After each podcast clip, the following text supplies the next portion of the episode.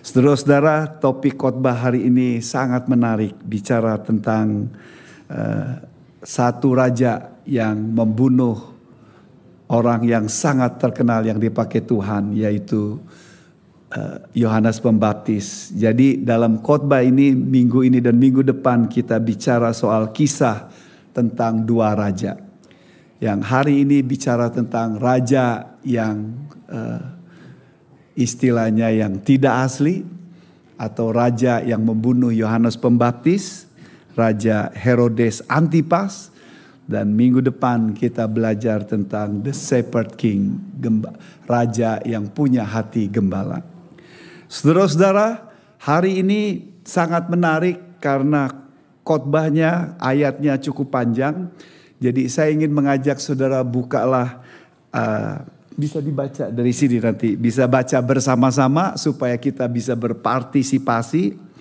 Dan uh, ayat ini sangat menarik karena dari khotbah minggu lalu, minggu lalu tentang bicara soal penginjilan dan di, diutus oleh Tuhan kita Yesus Kristus menjadi saksinya ayat 7 sampai 13 lalu kemudian khotbah hari ini ayat 14 sampai ayat 29 tapi yang menarik adalah ayat 20 ayat 30 dan 31 bicara tentang apa yang para murid yang bersaksi lalu datang kepada Tuhan kita Yesus Kristus. Jadi cerita ini di tengah-tengah para murid diutus lalu kemudian berhenti cerita tentang Herodes Antipas yang membunuh Yohanes Pembaptis lalu kemudian dilanjutkan lagi cerita tentang para murid yang memberi laporan tentang penginjilannya.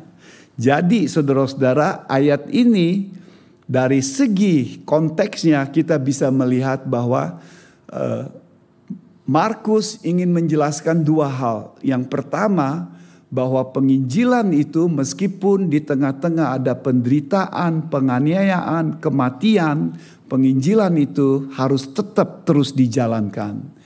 Yang kedua, Markus ingin menjelaskan kepada kita, mengkontraskan antara apa yang terjadi dalam cerita King Herod Antipas dengan apa yang dilakukan oleh Yesus Kristus sebagai raja yang punya hati gembala dan raja yang Herod Antipas yang tidak berfungsi sebagai raja. Dan Dua kontras ini sengaja ditulis oleh Markus karena kalau kita baca Lukas 9 dan Matius 14 cerita Yohanes Pembaptis yang dibunuh oleh Raja Antipas itu tidak sebanyak Markus.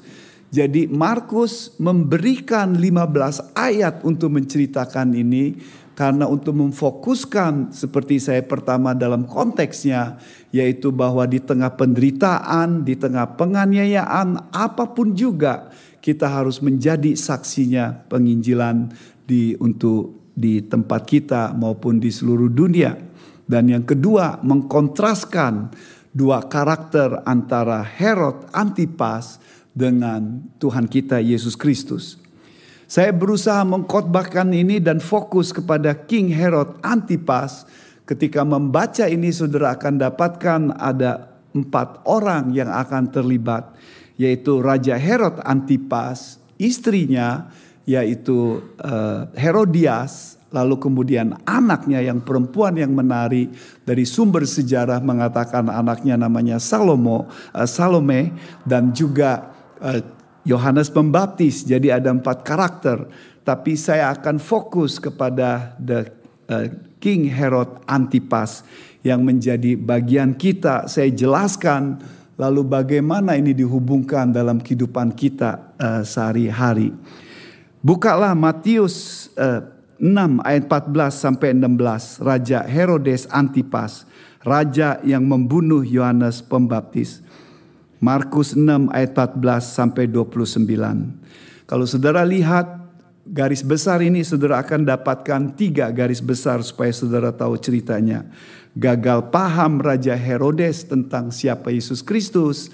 Lalu kemudian uh, terusiknya Raja Herodes. Lalu perintah untuk membunuh Raja Herodes. Coba bukalah Markus 6 ayat 14 sampai 16 kita baca bersama-sama saudara-saudara dalam bahasa Indonesia. Satu, dua, tiga. Raja Herodes juga mendengar tentang Yesus sebab namanya sudah terkenal dan orang mengatakan Yohanes Pembaptis sudah bangkit dari antara orang mati dan itulah sebabnya kuasa-kuasa itu bekerja di dalam dia. Yang lain mengatakan dia itu Elia, yang lain lagi mengatakan dia itu seorang nabi sama seperti nabi-nabi yang dahulu. Waktu Herodes mendengar hal itu, ia berkata, "Bukan dia itu Yohanes yang sudah kupenggal kepalanya dan yang bangkit lagi." Ayat 17 sampai 20, Raja Herodes terusik hatinya. Ayat 17 baca bersama-sama sampai 20.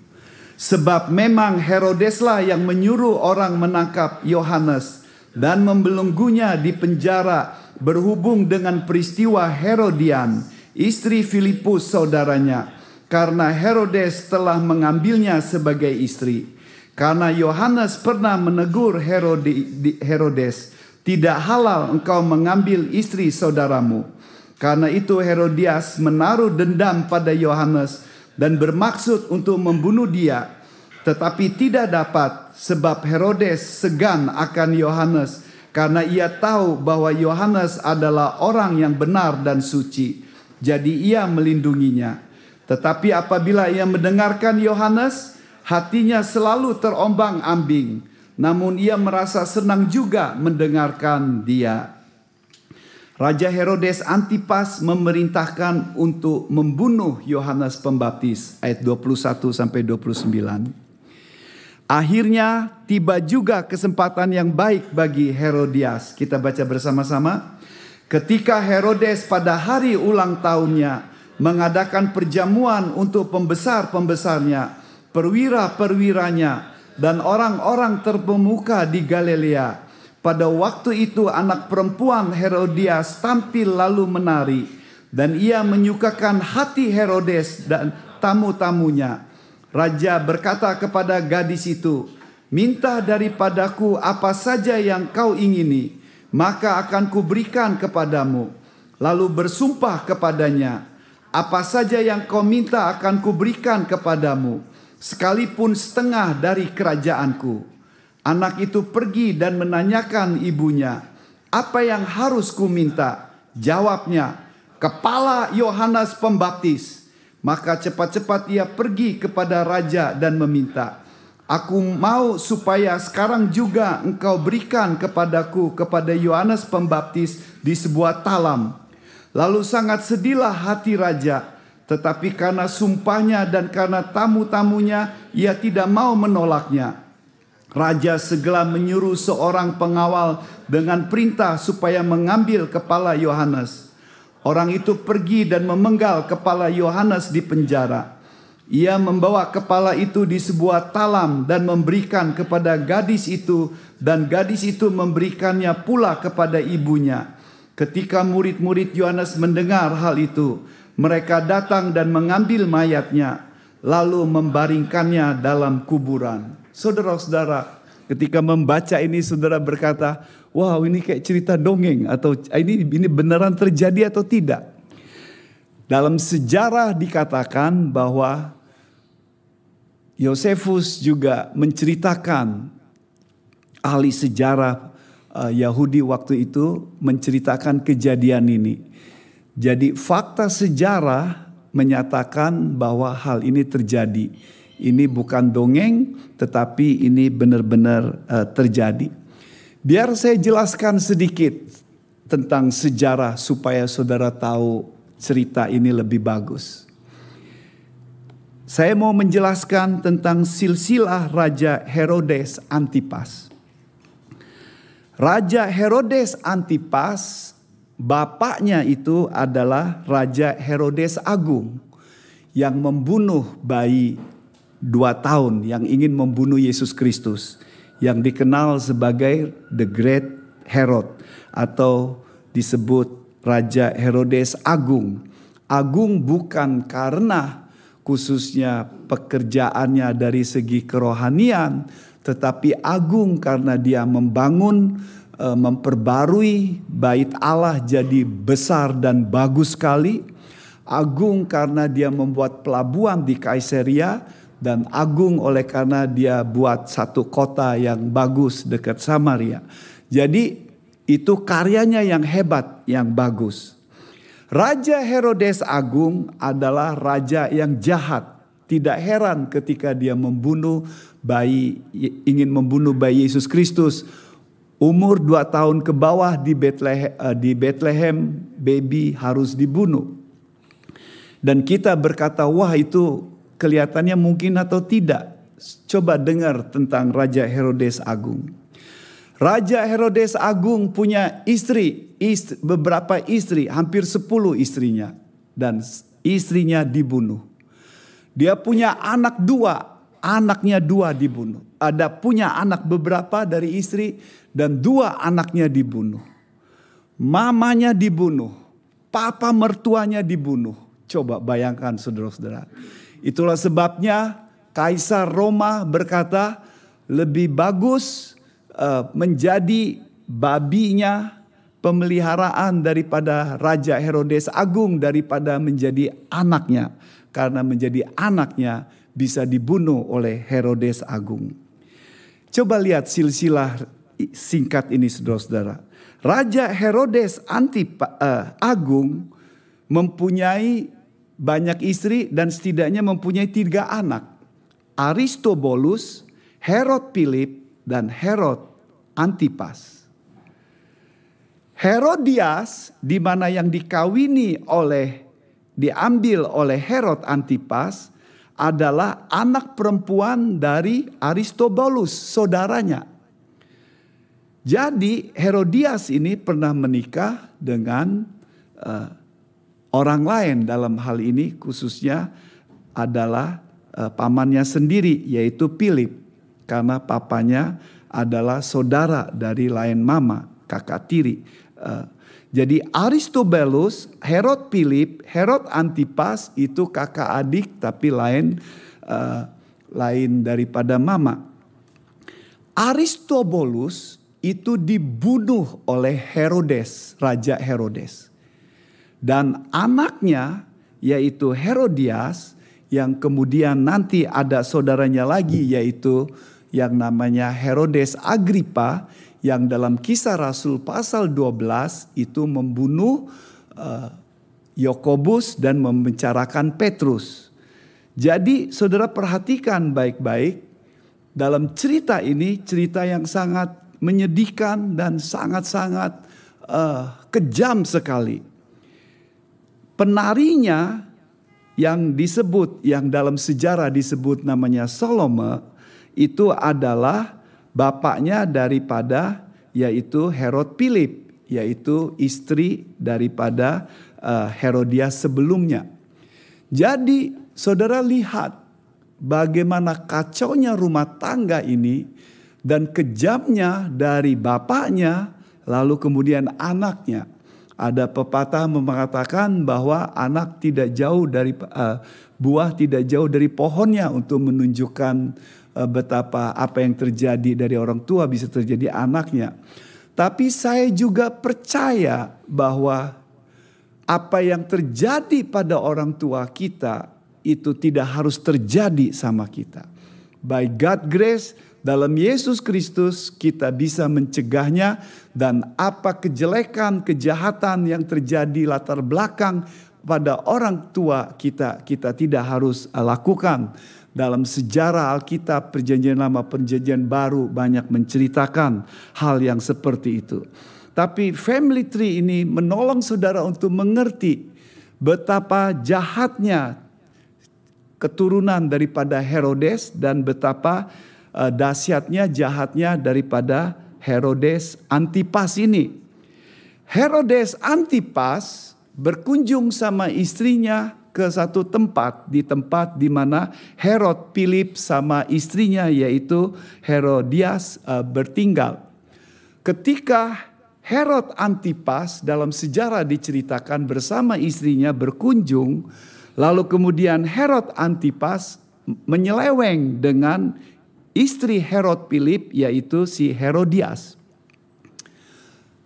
penyelewengan ini diketahui lalu mereka berdua sesudah menyeleweng mengambil keputusan menceraikan. Herodias menceraikan suaminya Herod Philip yaitu kakaknya sendiri dari Herod Antipas dan Herod Antipas menceraikan istrinya. Lalu mereka menikah. Dan ketika mereka menikah, anaknya dari uh, Herodias dengan Herod Philip yaitu anaknya yang menari dalam cerita kita ini dibawa oleh Herodias uh, bersama Herod Antipas.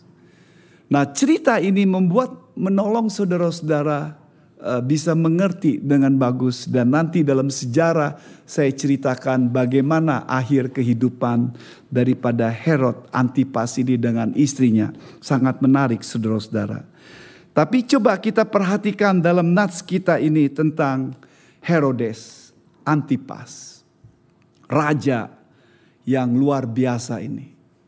Raja yang harusnya punya kuasa, yang harusnya melindungi, yang harusnya memperhatikan, punya belas kasihan, yang harusnya menjaga supaya integritas hidupnya, tapi dia melakukan apa saja yang dia mau. Dia masa bodoh dengan kakaknya, dia sikat istri kakaknya, lalu kemudian dia tiduri, lalu kemudian dia menikah. Herodes Antipas adalah cerita yang sangat menarik.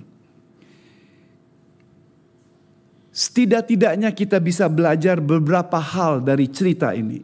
Saya tidak membahas tentang Herodias dan anaknya dan juga eh, Yohanes uh, Pembaptis, tapi bicara tentang Yohanes Pembaptis itu hal yang sangat indah sekali karena dia berani sekali menyatakan kebenaran kepada sang raja.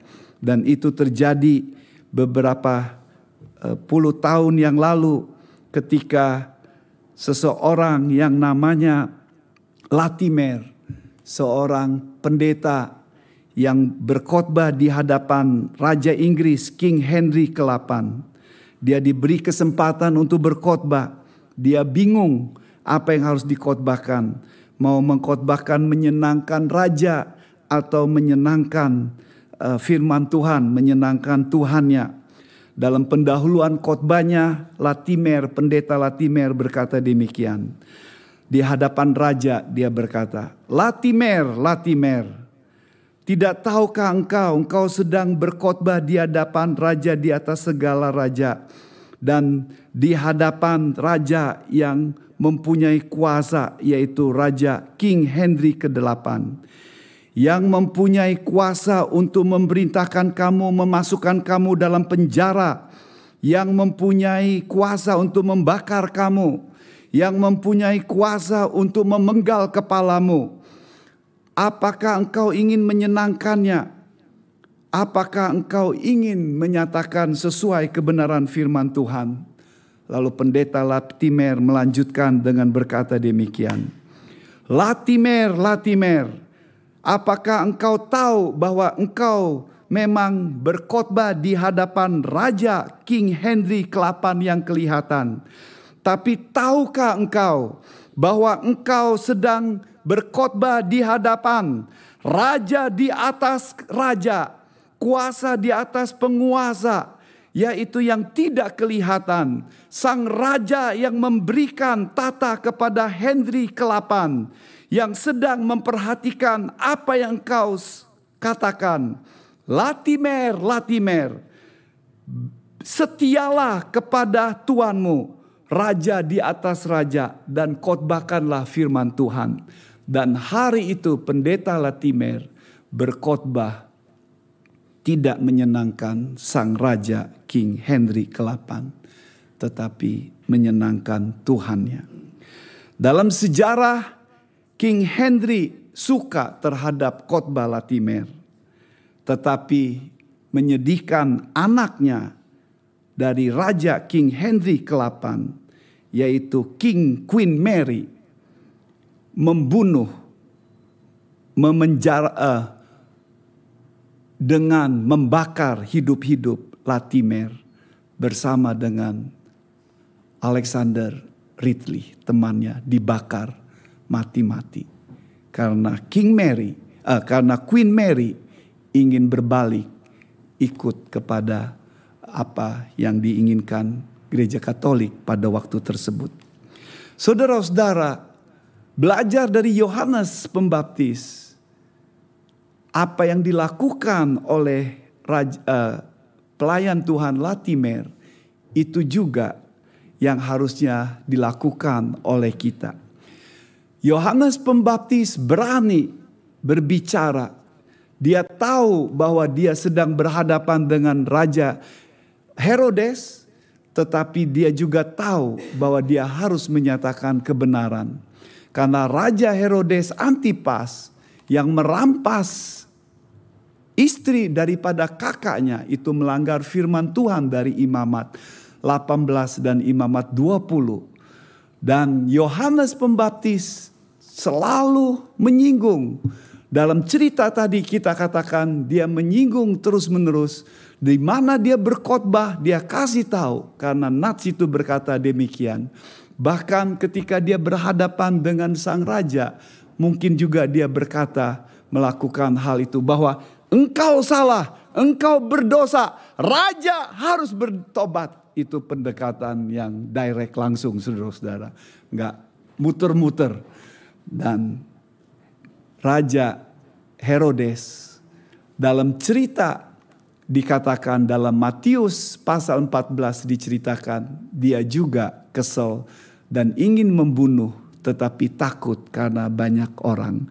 Karena Raja Herodes sebenarnya gubernur dari seperempat daripada daerah di Galilea dan sebagiannya yang dikasih daripada uh, dikasih pemerintah Roma tapi disebut raja oleh karena orang-orang Yahudi menyebut dia raja.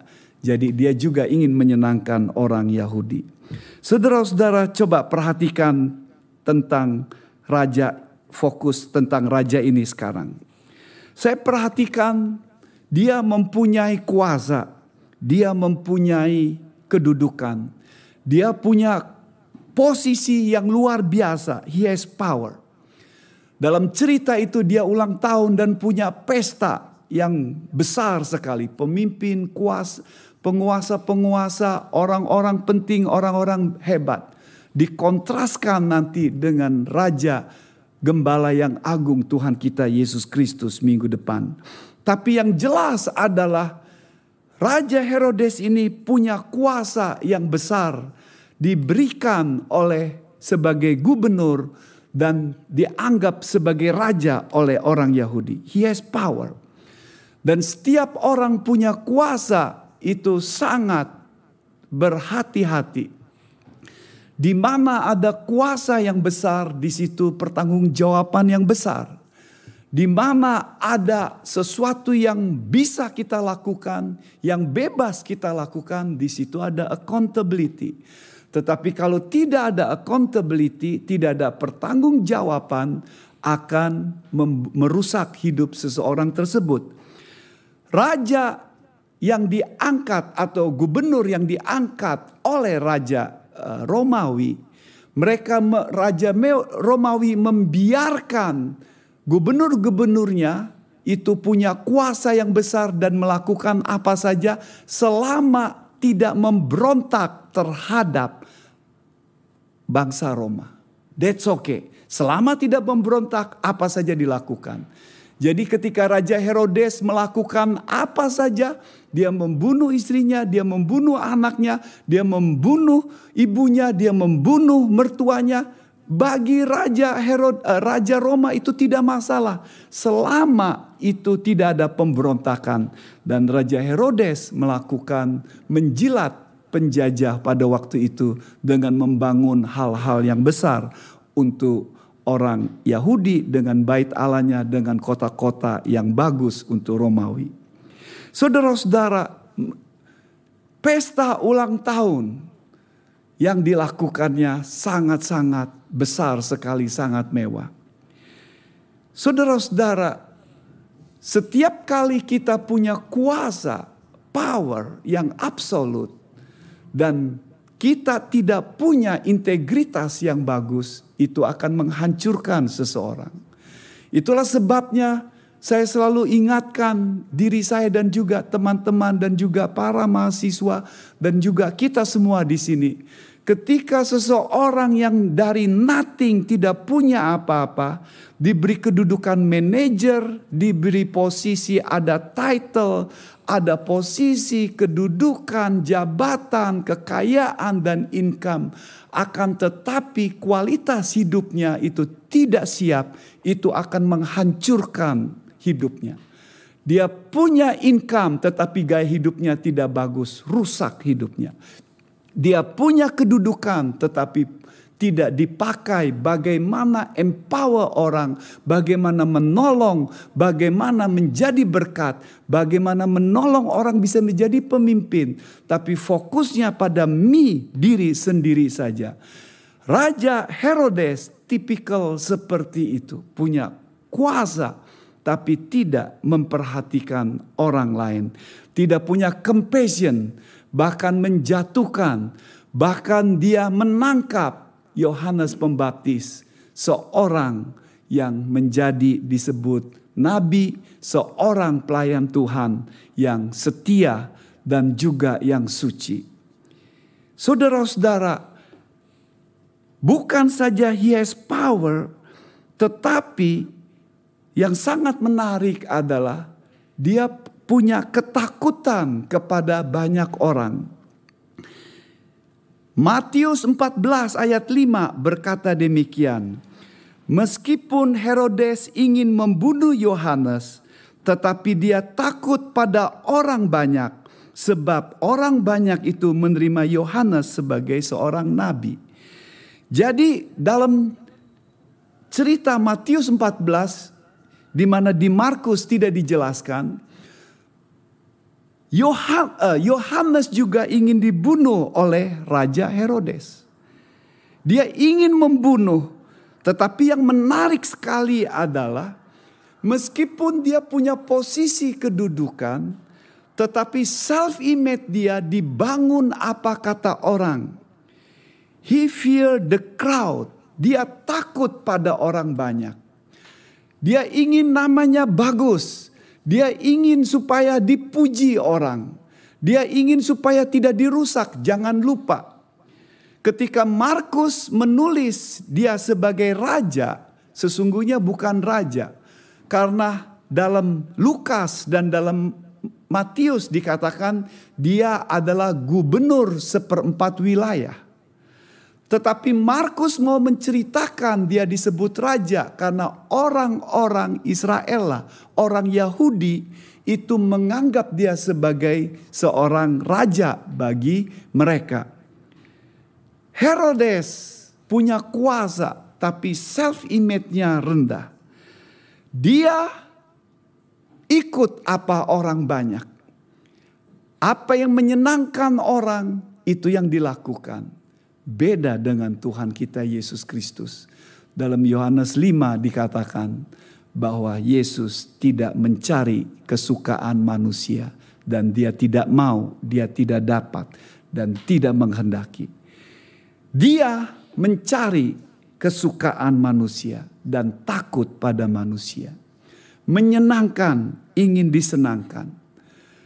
Bukan itu saja, dalam cerita ini dikatakan hal yang sangat menarik adalah bahwa suara hati rohaninya, hati nuraninya itu terganggu, ada masalah, tidak berfungsi. His conscience itu tidak berfungsi dengan bagus. Biar saya baca lagi saudara-saudara ayat yang sangat menarik yang di kita barusan tadi baca dalam ayat 20 dikatakan, ayat 20 dikatakan hatinya terombang-ambing. Istilah terombang-ambing dari bahasa Yunaninya diterjemahkan itu adalah terribly disturbed. Sangat terganggu. Atau terjemahan lainnya bisa berkata demikian. sangat membingungkan yang mempunyai implikasi kekhawatiran yang amat sangat. Jadi ketika dia mendengar, dia suka sekali mendengar daripada uh, Herodes. Uh, dia senang mendengar, Herodes senang mendengar Yohanes Pembaptis.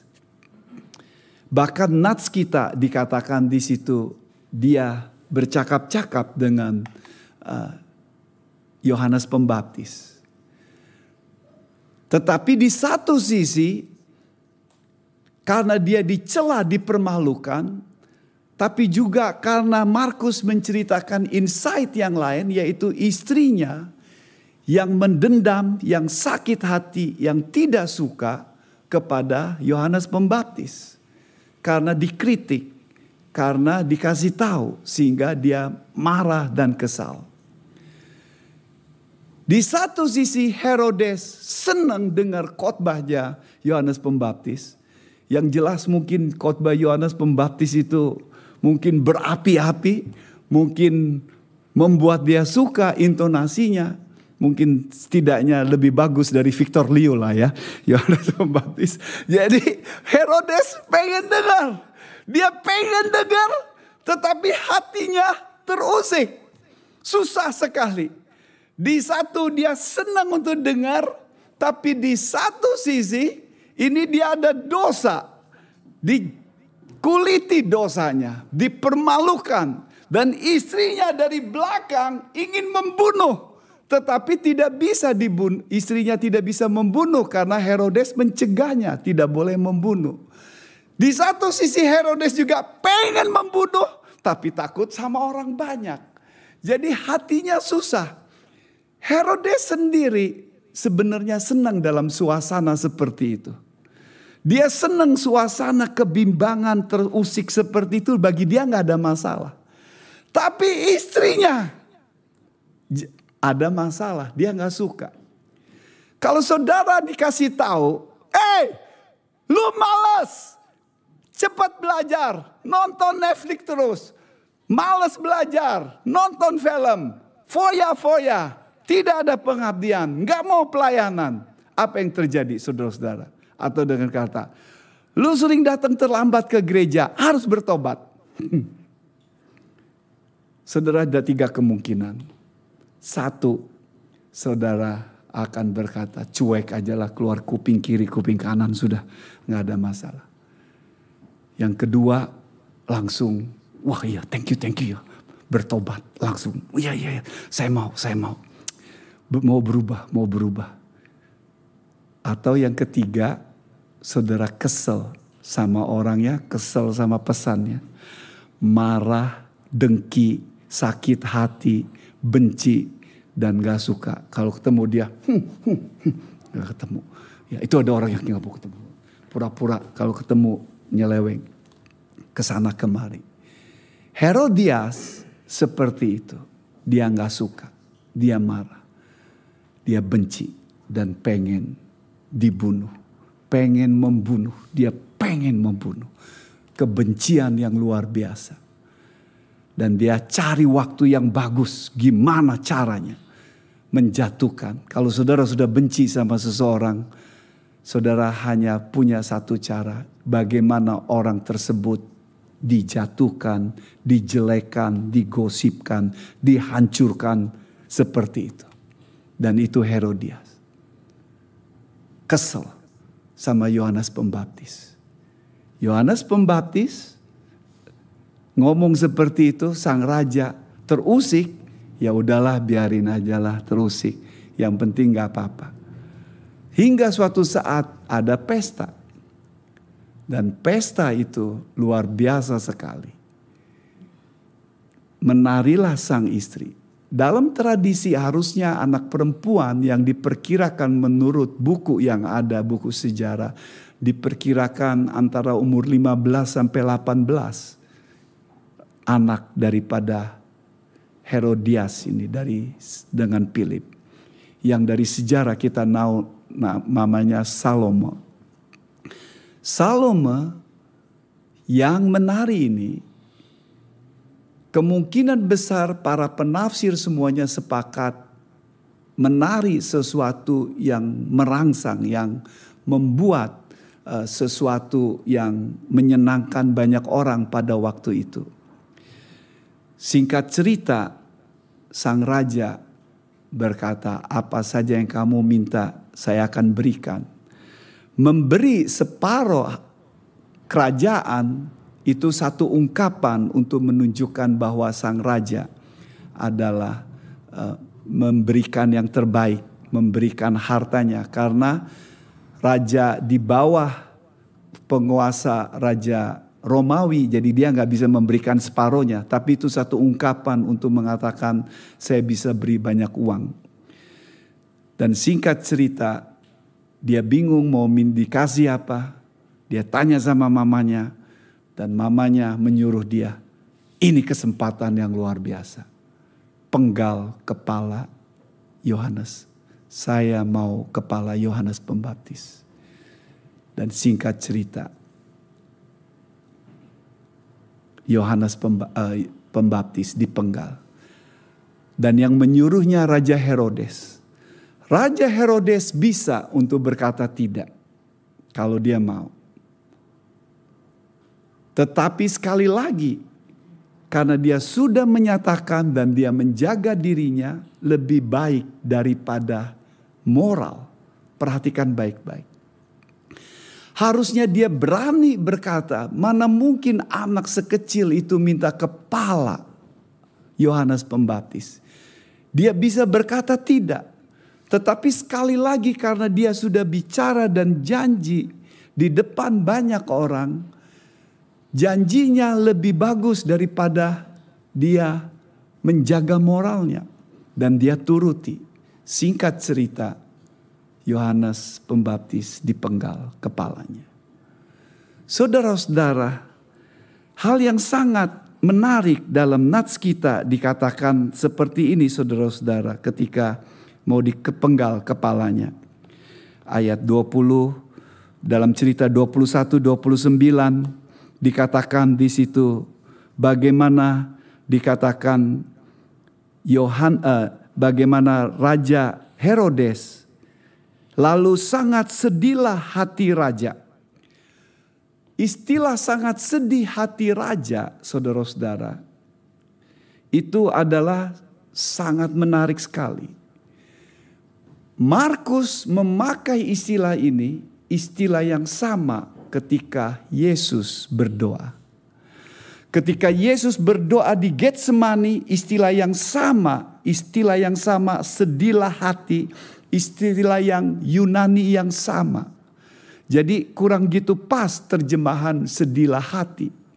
Tapi istilah itu dipakai untuk Yesus Kristus, istilah yang sama dalam konteks ini untuk menunjukkan seseorang yang bergumul dengan pergumulannya yang begitu serius, penuh pergumulan. Sama seperti Yesus yang bergumul sampai keringatnya seperti darah. Dan Herodes itu bergumul luar biasa sekali. Jadi hati nuraninya ketika ngambil keputusan itu ber, bercampur aduk. Kita tahu dari Roma pasal 2 ayat 14-15. Tuhan memberikan hati nurani pada setiap orang. Dalam Roma pasal 2 ayat 14-15 Paulus berkata orang-orang dan Yahudi tidak ada hukum Taurat, tetapi Tuhan memberikan uh, hati nurani pada mereka supaya mereka tahu apa yang benar, apa yang salah. Dan hati nurani itu harus kita jaga terus-menerus. Tapi karena hati nurani karena rus bisa rusak karena dosa manusia, sehingga dalam 1 Timotius 4 ayat 2 Paulus berkata di akhir zaman di mana pengajar-pengajar sesat hati nuraninya itu jadi rusak, jadi padam, jadi terbakar, tidak terbungsi karena dosa. Sedangkan kita dinasehatkan, Paulus berkata bahwa dalam 2 Timotius 1 ayat 3 dia menjaga hati nuraninya Dalam kisah para rasul 24 berkata juga dia menjaga bersih hati nuraninya. Hati nurani kita harus dijaga, kepekaan kita. Semakin kita tahu firman Tuhan, kebenarannya dan kita lakukan, semakin hati kita makin peka kalau itu salah. Tetapi seperti Paulus berkata dalam 1 Timotius 4 ayat 2 bahwa hati nurani itu bisa mati, bisa tidak berfungsi karena dosa, karena sikap hidupnya dan itu yang terjadi pada Herodes. Hati nuraninya sudah mati, tidak berfungsi. Dia bergumul tapi dia tidak mau melakukan apa yang benar dan tetap melakukan apa yang salah. Akhir hidupnya Raja Herodes Antipas bertemu dengan Yesus Kristus. Ketika Yesus dalam penderitaannya sesudah diadili oleh Pilatus, Pilatus tahu bahwa Pilatus gubernur yang berkuasa di Yudea dan eh, Herodes Antipas berkuasa di Galilea, maka diberikanlah Yesus kepada Herodes. Lalu Herodes bertanya kepada Yesus, Herodes Antipas yang membunuh Yohanes Pembaptis ini bertemu pertama kalinya kepada Yesus Kristus yang dulu dia sangka adalah Yohanes Pembaptis yang bangkit. Lalu kemudian dia bertanya, bertanya, bertanya. Yesus tidak menjawab sekalipun. Dia tidak menjawab sama sekali.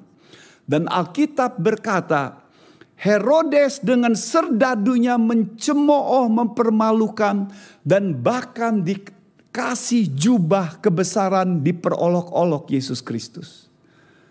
Kasih jubah dipermalukan berarti kemungkinan besar Yesus ditelanjangi dikasih jubah saudara-saudara. Menyedihkan. Artinya kita lihat Herodes yang dalam cerita ini sudah mati dan ketemu Yesus Kristus sudah mati. Orang yang hati nuraninya sudah mati kadang-kadang Tuhan membiarkan apa saja kamu mau melakukan sekarepe dewe. Kalau dalam bahasa Jawa. Apa saja yang kamu lakukan silakan. Dinasehati, dikotbain, dikonseling, dikasih tahu. Tidak mau dengar. Dan Tuhan membiarkan. Dan sang raja ini dibiarkan. Hati nuraninya habis. Tidak berfungsi sama sekali. Saudara-saudara, dia punya kuasa. Dia menyenangkan orang. Hati nuraninya tidak berfungsi. Dan dia mengikuti ambil keputusan apa yang dia mau. Penggal kepala Yohanes. Apa yang dia mau itu yang dia lakukan. What I want, I will do it. I am the boss, I am the king. Dan itu saya lakukan. Apa yang saya mau. Saudara-saudara, hidup kita tidak jauh daripada Herodes, raja. Saudara berkata itu Herodes. No. Cerita Herodes ini cerita saudara dan saya. Cerita kita yang menjadi king dalam diri kita sendiri. Saya mau apa yang saya turuti. Saya the boss dalam diri saya. Apa yang saya pikir baik. Dan kadang-kadang hati nurani kita beradu dan masa bodoh dengan suara Tuhan. Masa bodoh dengan kebenaran firman Tuhan. Masa bodoh dengan nasihat apa yang benar. Dan ini yang saya lakukan. Selama itu memuaskan saya. Selama itu memuaskan hati saya. Selama saya buat saya happy itu yang saya mau lakukan. You are the king of yourself. Dan itu akan menghancurkan, membunuh, merusak masa depan saudara. Menghancurkan hidup seperti itu. Akhir kehidupan raja daripada Herod Antipas dalam sejarah saudara-saudara. Dengar baik-baik cerita akhir hidup mereka. Raja Herodes sama Antipas akhir hidupnya tragis. Karena hatinya yang memang buk tidak fokus, hanya fokus sama diri sendiri. Dia ribut dengan saudaranya si istrinya Herodias, yaitu Herod Agripa. Di hadapan Kaisar Caligula di Roma, mereka berdua berdebat. Saudara daripada Herodias, yaitu Herod Agripa, cucu sama-sama cucu daripada Great uh, Herodes, dengan pamannya ribut di depan Kaisar Caligula. Lalu Herodes tidak suka, Herodes Antipas tidak suka saudara uh, saudara istrinya ini Herod Agripa menduduki satu posisi kedudukan gubernur. Jadi dia mendiskreditkan di hadapan Raja Caligula. Lalu Herod Agripa berdebat dan mendiskreditkan Herod Antipas dan singkat cerita dalam perdebatan itu dan bukti Herod Antipas kalah. Kaisar Caligula mengasingkan Herod Antipas dengan istrinya ke satu tempat yang jauh yang dulu masih sepi namanya Prancis yang sekarang Prancis. Dan di sana sejarah mencatat mereka katanya bunuh diri berdua. Saudara-saudara, mereka menuai apa yang ditabur. Kehancuran. Biar saya kutip C.S. Lewis untuk mengingatkan kita bersama-sama. Saya Lewis berkata demikian. Di situ ada bahasa Indo Inggrisnya, saya terjemahkan bahasa Indonesia. Tuhan dapatkan bahwa keinginan kita untuk melakukan kehendaknya tidak terlalu kuat, tetapi terlalu lemah. Kita adalah makhluk yang mendua hati. Kita mudah terbodoh, terpikat dengan kepuasan hidup, minum-minuman, kenikmatan seks, dan ambisi diri sendiri ketika tawaran sukacita kekekalan diberikan kepada kita. Seperti anak kecil yang terpikat dengan mainannya, bermain untuk membuat pai, roti pai dari lumpur dalam suatu tempat yang kumuh. Dan anak itu tidak mengerti, tidak bisa membayangkan ada tawaran yang lebih bagus lebih nikmat untuk berlibur di lautan. Hati kita terlalu mudah sekali dipuaskan. We are far too easily pleased. Itu diri kita. We are the boss atas diri kita sendiri. Biar kita ingat, kita mudah sekali terpikat. Kita mudah sekali. Apa yang terjadi pada Raja Herodes itu bisa terjadi pada saudara. Tuhan memanggil saudara tidak menjadi raja atas hidup saudara. Karena itu basic dosa. Tuhan ingin saudara datang kepada Tuhan kita Yesus Kristus yang menolong saudara. Dalam hidup muda sekali kita tertipu kenikmatan, tertipu dengan hikmat diri sendiri. Hati nurani kita tidak peka karena kita menghidupkan, tidak fokus kepada kebenaran firman Tuhan.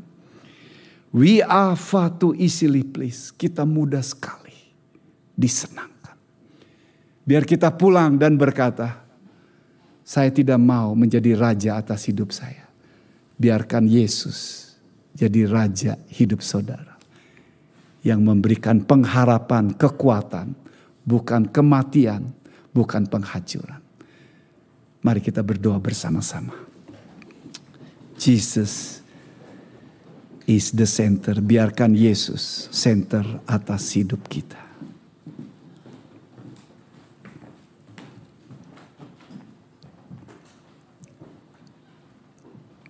Biar kita duduk dengan tenang.